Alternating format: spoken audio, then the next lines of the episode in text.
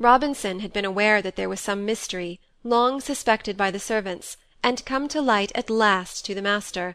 He had guessed that there was a young woman in the case, but when she stood there before him, asking for her dead husband as if he were living, any presence of mind Robinson might have had forsook him.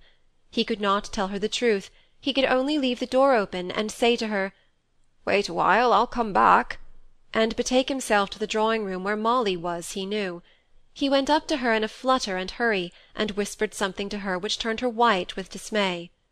"What is it? What is it?" said the squire, trembling with excitement. "Don't keep it from me. I can bear it. Roger!" They both thought he was going to faint. He had risen up and come close to Molly. Suspense would be worse than anything. "Mrs. Osborne Hamley is here," said Molly.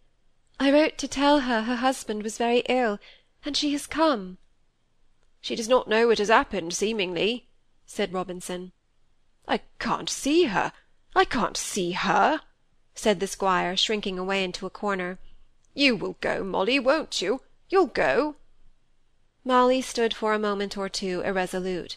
She, too, shrank from the interview. Robinson put in his word. "She looks but a weakly thing, and has carried a big baby, choose how far, I didn't stop to ask." At this instant the door softly opened, and right into the midst of them came the little figure in grey, looking ready to fall with the weight of her child. "You are Molly," said she, not seeing the squire at once. "The lady who wrote the letter. He spoke of you sometimes.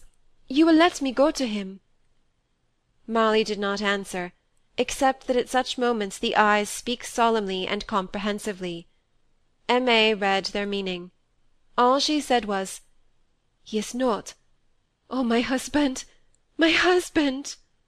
Her arms relaxed, her figure swayed, the child screamed and held out his arms for help. That help was given him by his grandfather, just before Aimée fell senseless on the floor. "Maman! maman!" cried the little fellow, now striving and fighting to get back to her where she lay. He fought so lustily that the squire had to put him down, and he crawled to the poor inanimate body, behind which sat Molly holding the head, whilst Robinson rushed away for water, wine, and more womankind. "Poor thing! poor thing!" said the squire, bending over her, and crying afresh over her suffering. "She is but young, Molly, and she must have loved him dearly." "To be sure," said Molly, quickly. She was untying the bonnet, and taking off the worn but neatly mended gloves. There was the soft, luxuriant black hair, shading the pale, innocent face; the little notable looking brown hands, with the wedding ring for sole ornament. The child clustered his fingers round one of hers, and nestled up against her with his plaintive cry, getting more and more into a burst of wailing, "Maman! maman!" At the growing acuteness of his imploring, her hand moved, her lips quivered, consciousness came partially back. She did not open her eyes, but great heavy tears stole out from beneath her eyelashes. Molly held her head against her own breast, and they tried to give her wine, which she shrank from, water, which she did not reject, that was all. At last she tried to speak. "Take me away," she said, "into the dark. Leave me alone." So Molly and the woman lifted her up and carried her away, and laid her on the bed, in the best bedchamber in the house, and darkened the already shaded light. She was like an unconscious corpse herself, in that she offered neither assistance nor resistance to all that they were doing. But just before Molly was leaving the room to take up her watch outside the door, she felt rather than heard that Aimée spoke to her. "Food, bread and milk for baby." But when they brought her food herself, she only shrank away and turned her face to the wall without a word. In the hurry the child had been left with Robinson and the squire. For some unknown but most fortunate reason, he took a dislike to Robinson's red face and hoarse voice, and showed a most decided preference for his grandfather. When Molly came down she found the squire feeding the child, with more of peace upon his face than there had been for all these days. The boy was every now and then leaving off taking his bread and milk to show his dislike to Robinson by word and gesture, a proceeding which only amused the old servant, while it highly delighted the more favoured squire. "She is lying very still, but she will neither speak nor eat. I don't even think she is crying," said Molly, volunteering this account, for the squire was for the moment too much absorbed in his grandson to ask many questions. Robinson put in his word. Dick Hayward, he's boots at the Hamley Arms, says the coach she came in started at five this morning from London, and the passengers said she'd been crying a deal on the road, when she thought folks were not noticing, and she never came in to meals with the rest, but stopped feeding her child. She'll be tired out. We must let her rest, said the squire. And I do believe this little chap is going to sleep in my arms. God bless him. But Molly stole out, and sent off a lad to Hollingford with a note to her father.